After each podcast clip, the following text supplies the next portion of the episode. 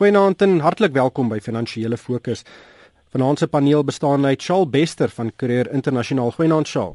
Goeienaand Ryk. En Dr Steve Minnar van Abex Beleggings. Goeienaand Steve. Hallo Ryk en ook en Shaal. Steve, die groot nuus van die week uh, is ongetwyfeld die uh, Marion Roberts brug wat in Johannesburg ineengestort het. Daar's twee mense dood en 'n hele klompie beseer, ernstig beseer. Dit is werklik 'n hartseer storie. Dit is regtig in die media baie hard geslaan en dit uh, rig geweldige skade aan aan Marion Roberts se reputasie. Uh, Daar's op die oomblik ook vier ondersoeke aan die gang. Hoe dink jy gaan hierdie ding ontvou? Ja, dit is baie moeilik om op hierdie stadium enige sinvolle kommentaar aan te lewer want ek het geen idee hoekom die spesifieke platform ineengestort het nie. Dit kan wees dat iemand vasgery het in een van die pilare, dit kan wees dat die ding swak gebou wees. Ehm um, ek ek weet nie meeste dit dit sou onverantwoordelik wees om hierdie stadium te sê presies hoe kom die dinge mekaar gestort het en wie se skuld dit is, maar dit is dit is seker dit bly dit bly hartseer. Ehm um, dat sou iets gebeur en dit is is dis regwaar baie sel het mense iets in gebeur. Ehm um, Shaw Marion Roberts is ook nou nie die gewildste maatskappy op die regering se radar nie. Hulle is met 310 miljoen rand beboet vir die samespanning wat hulle aanskuldig was uh, vir die bou van die Wêreldbeker stadions. Hulle is op die oomblik in 'n regsgeding met die Gauteng regering betrokking oor die konstruksie uh, werk wat hulle aan die Gautrain uh, gedoen het. En nou hierdie ding, dink jy hulle word 'n bietjie uitgesonder? Ja, ek dink hulle word noodwendig uitgesonder in reis. Ek dink net uh, die konstruksiebedryf in sy geheel is in 'n baie baie moeilike plek. Ek kyk net na Marine Roberts se aandeleprys. In die hoogste van 2007 het die aandeleprys hoogtepunte 100 rand per aandeel gehandel. Uh, vandag 10 11 rand per uh, aandeel. So dit is 'n baie moeilike omgewing. Ek dink dit is um, uh, hulle is miskien baie ongelukkig dat so iets nou nog addisioneel moes gebeur want dit plaas net verder druk op hulle op hulle reputasie wat al al klaar so 'n bietjie grys is. So dit is jammer dat dit gebeur het. Ek dink hoekom net so nuus is is wat op Sandton langs Sandton gebeur en dat die ontwrigting so geweldig was. So dis iets wat nou baie naby die huis ge gebeur het en en, en ek dink daarom is dit ook word dalk 'n bietjie meer in die media bespreek as wat dit sou die geval sou gewees het het hierdie ongeluk ergens in die Vrystaat of ergens uh, in in die Karoo gebeur.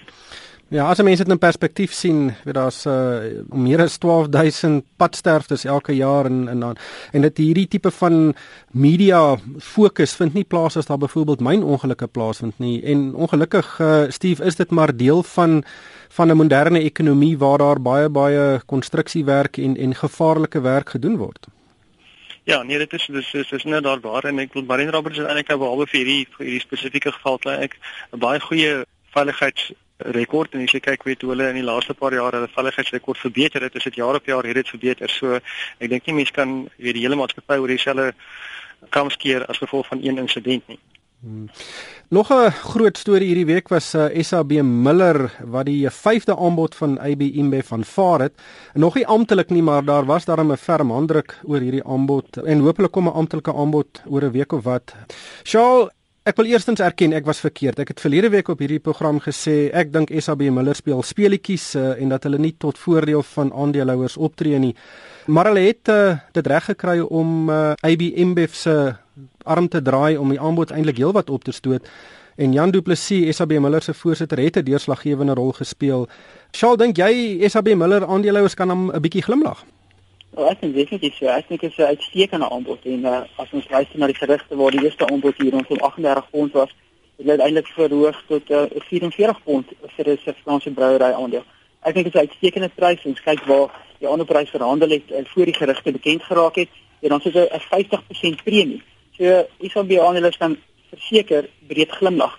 Ek dink sou dit oorgeneem word uh, oor die langer termyn sal jammer wees uh, as ons nie 'n brouwer op ons beurs genoteer gaan ga, gaan hê nie wat ons plaaslike belegging kan belê nie moontlik lyk dit asof uh, another index moontlik ook 'n uh, notering op die plaaslike beurs kan hê wat ek dink um, verblydend sou wees maar as 'n Franse brouery aandeel sal ek daai geld vat ek sal another index voor seë gaan koop sou Heineken gaan koop as ek as ek brouery blootstelling soek, maar ek dink die prys is, is regtig uitstekend. Hmm. Steve, wat dink jy? Ja, nee, ek dink is 'n sekere transaksie. Weet ek dink eh, weet min mense besef eintlik weet weet Jan Du Plessis onlangs oorgeneem as voorsitter van die raad en dink hy het hierdie hele transaksie baie baie goed hanteer. Jy weet ek dink is een van die persone wat ons in Suid-Afrika nie baie van hoor nie. Hy het uit die Rembrandt uh, groep uitgekom oorspronklik, toe voorsitter van Richmond Lloyd se bestaan en British American Tobacco ook op die oomblik voorsitter van Rio Tinto. Dis werklik 'n internasionale besigheidsman van formaat en ek dink sy rol in hierdie transaksie is iets wat mense noodwendig aan dink nie en ek dink hy het dit baie baie goed hanteer om hierdie transaksie deur te kry. Dis 'n premie, nie net 44 pond te aandeel nie, maar het ook reg gekry dat daar 3 miljard dollar breekfooi is, en miskien 'n verkeerde vertaling, ehm um, moet wees um, indien IBI nie hierdie hierdie hierdie transaksie uh, voltooi nie. Ehm um, interselfdertyd kan Esa Brouwery nog 1.22 of 80 uh, ehm um, Britse sent dividend uitbetaal. So eintlik is dit 44.79 Britse pond vir die vir die transaksie dink baie baie goed is. Hmm. Ryk is dit net om daarin te kom net om daai die, die dryfkrag vir in perspektief te stel. Daai 3 miljard dollar is, is gelykstaande aan die markkapitalisasie van van die 46 grootste maatskappye in Suid-Afrika. Dit is is 'n is 'n is 'n geweldige groot omvang. Ehm um, en ek dink uh, dit wys net ernstig en ander investeerders om hierdie transaksie deur te kry. Hmm. Ja, Steve, daar's ook 'n baie groot kultuurverskil tussen die maatskappye. IBM Bev draai werklik die sente om. Hulle winsgrens is 39%, SAB Miller se winsgrens is 29%. As uh, senior uh, SAB Miller uh, werknemers vlieg, dan sit hulle voor en hulle bly in 5-ster hotelle en as IBM se mense vlieg, dan sit hulle agter en hulle bly in goedkoper hotelle en SAB Miller manne kan oormiddagete vir hulle 'n gratis bier kry en by IBM is daar nie eers sprake daarvan nie. Uh, weet enige groot notering het 'n bietjie hierdie kultuurverskille, maar uh, hierdie lyk eintlik baie baie verskillend. Ja, ek dink hom nie, hulle dink 20% uh, mark ag uh, winsmarge se bier bemiddagete in die, in die SAB Miller groep nie. Dit is ook meer seksueel in, in terme van die spesifieke lande waarna hulle besigheid doen en en net hoe die groepe aan mekaar geslaan is oor die jare, maar dit is dis inderdaad waar IBI is baie meer koste gefokus. Die, die groot verskil vir my is dat IBI se se se bestuur is finansiële transaksie gurus as mense sou kan stel. Jy weet hulle hulle het die besigheid aan mekaar geflans. Terwyl Esse Brouwery is nog al die jare deur biermense bestuur. Hulle is eerste in die eerste plek biermense en in die tweede plek miskien weet 'n uh, besigheid of finansiële um, aan mekaar slaan is. So ek dink dit dit gaan 'n groot kultuurverskil wees, maar ek dink ek dink SAB is 'n is 'n geweldige goeie baat en ek dink um, RBI kan kan goed doen met die besigheid, maar hulle betaal 'n volprys. Hulle gaan met hard werk om hierdie transaksie regverdig. As dit nie was het hulle geld kon leen teen omtrent geen rentekoerse wat ons nou wêreldmark het nie, dink ek die transaksies sou nie haalbaar gewees het in hierdie prys nie. Hmm, hulle reik natuurlik 50 miljard dollar se effekte uit om hierdie transaksie te finansier. Sjoe, net laastens, die aandelepryse die oomblik is omtrent tussen 815 en 820 rand. Die aanbod gaan heel moontlik uh, hang of nou wat die wisselkoers doen oor die volgende week of wat om rondom 900 rand 'n aandeel wees. Daar is nog geld op die tafel. Kan 'n mens 'n bietjie daarvan skep of uh, hoekom is daar so 'n groot verskil op die oomblik? Was een 10% verschil tussen wat die moeilijke aantal tijd is. Ik denk, die is die, die tijdwaarde van geld komt niet te sprake, want die transactie gaan waarschijnlijk dit nou in een jaar vat om gefinaliseerd te worden. So je gaat baie lang wachten om, om die volle prijs te krijgen. En dan zeg ik, dat is een beetje van een risicopremie, denk ik ook in die prijs. Je weet dat ergens een of ander reguleerder of een van die owerhede waaraan besigheid doen dalk 'n stokkie vir die transaksie kan gee. Dis nog nie feite kompleet dat hierdie transaksie heeltemal gaan deurgaan nie. Wanneer die nommer 1 en nommer 2 brouwer in die wêreld op mekaar kom, jy weet moet jy um, maar seker maak elke land waarin jy besigheid doen is tevrede dat jy nie heeltemal 'n 'n te kompeterende voordeel in daai in daai geografiese gaan gaan hê. So ek dink dit is maar waar die verskil nou lê. Hmm. Nog 'n groot transaksie wat hierdie week plaasgevind is, is Medikliniek. En die groep gaan deur 'n omgekeerde oorneem uh, van die Al Noor Hospital Group op die uh, Londense aandelebeurs noteer. Nou hierdie nuwe groep sal sowat 73 hospitale en 35 klinieke beheer. Hulle sal die grootste hospitaalgroep in die Verenigde Arabiese Emirate wees en ook die derde grootste in Suid-Afrika. Steve, dis 'n baie goeie transaksie vir Medikliniek. Ja, nee, ek dink uh, Mediclinic weer eens met mens moet hulle nie onderskat nie. En ek dink ons onderskat die rol wat 'n uh, weet 'n uh, groot aandeelhouer soos Hemgrow in hierdie transaksie of in hulle geskiedenis speel nie. Uit uit sekere transaksie dink hulle sit twee baie goeie bates by mekaar. Mediclinic het die laaste paar jaar baie baie sterk gegroei in die UAE. En ek dink mense eintlik vergeet daarvan wat hulle konsentreer net op hulle besigheid in Suid-Afrika en Switserland. En intussen is die UAE 'n geweldige groei, weet vinnig groeiende mediese mark snaaks genoeg is een van die lande met die met die hoogste vlakke van van obesity. Meer so as as as meeste ander lande waar dit is die tweede hoogste ter wêreld. So dis dis die sogenaamde lewenstyl siektes is 'n geweldige vinnige groeiende um, besigheid in in die UAE en en hulle het 'n baie goeie rol om daar te speel. Hmm.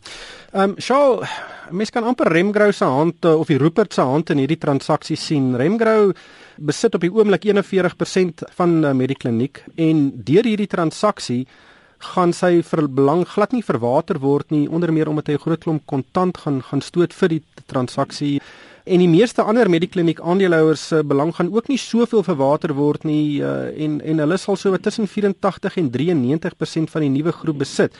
So weer eens daar is baie goeie finansiële ingenieurswese gepleeg uh, om hierdie transaksie mekaar te sit. Ja, nee, absoluut so. Um, dit jy sê, Medikliniek gaan uiteindelik kom ons sê waarskynlik naby 90% van die nuwe entiteit besit. En, en vir my is dit net weer 'n voorbeeld van 'n 'n uitstekende maatskappy wat sy wortels in Suid-Afrika het, maar wat uit Suid-Afrika uitgegroei het en besig is om soos Suid-Afrikaanse brouerye een van die grootste en eh, rolspelers in die industrie te raak. Ek dink um, buite Amerika gaan gaan die gesamentlike entiteit waarskynlik die derde grootste hospitaalgroep is met 10200 beddens, 32000 werknemers. So gaan 'n gaan 'n baie groot entiteit. Ek dink dit is 'n uitstekende transaksie vir Medikliniek weet in die Arabiese Emirate om nou 'n nuwe hospitaal te gaan bou, so baie lank gevat het, so baie duur gewees het. So ek dink hierdie gee amper vir jou 'n kwantum sprong in daardie gebied waar hulle wil wees en en vir Suid-Afrikaanse aandeelhouers gee dit ook jou nou verdienste 'n uh, groter gedeelte van die verdienste wat uit die buiteland uitkom. So Mediclinic in, internasionaliseer. Gelukkig het hulle die ou boet met die groot chequeboek mm. wat hulle kan help om hierdie finansiering te doen. En jy weet Renga doen aansoek vir 600 miljoen en ons se aandele, se nuwe aandele wat uitgereik gaan word. So dit help beslis as jy 'n groot aandeelhouer met 'n dik cheque het dat jy hierdie ek dink besonderse transaksies uh, kan doen. Hulle betaal 'n premie as jy kyk waar die prys was uh, voor dit bekend geraak het, ek dink hulle koop absolute kwaliteit, netjies wat hulle in Switserland gedoen het met Terslanden. So uh, dit gaan nie oor bargains wees nie, dit gaan oor kwaliteit koop vir die langtermyn. Ja Steve, as mens kyk na ons hele gesondheidsorgsektor in Suid-Afrika, as daar regtig maatskappye wat hulle merk op die internasionale front maak. Ek dink sommer hardop, Aspen, Discovery, uh, Netcare, uh, dis dis baie baie goeie maatskappye daai. Ja, nee, ek dink jy's 100% korrek. Ek dink mense vergeet weet ons ons is miskien die suid van Afrika, maar is geweldig goeie intellektuele kapitaal wat ontwikkel word uit Suid-Afrika. Jy noem Discovery, jy weet hulle hulle hulle wat hulle die program is werklik waar uniek en hoe hulle dit aan mekaar geflans het en hoe hulle dit nou reg oor die wêreld in ander besighede verkoop en en ook implementeer. En ons hospitaalgroep is baie baie goed bestuur. Jy weet, dit is my so frustreer met ons regering wat so hard probeer beklei om die baie goed bestuurde op internasionale standaard privaat groepe te probeer blameer vir die foute wat hulle in die in die, in die publieke hospitale maak. Jy weet plaaslik die publieke hospitale is so goed bestuur soos die private hospitale. En probeer hulle dit andersom doen. Jy weet, so ek dink regtig waar dis dis skitterende besigheid wat ons het en en dis dis dis wonderlik om te sien hoe suksesvol hulle is ook op internasionale vlak. Hmm. Ja, natuurlik is dit 'n tema wat 'n hele program op sy eie is. Um, net laastens uh eh, Shaal, 'n klein maatskappy Signia is 'n multibestuurder um, wat baie daarvoor bekend is vir hulle lae kostes wat hulle op hulle beleggingsprodukte hef. Die groep het genoteer die week en eh, die belangstelling was eintlik ongelooflik.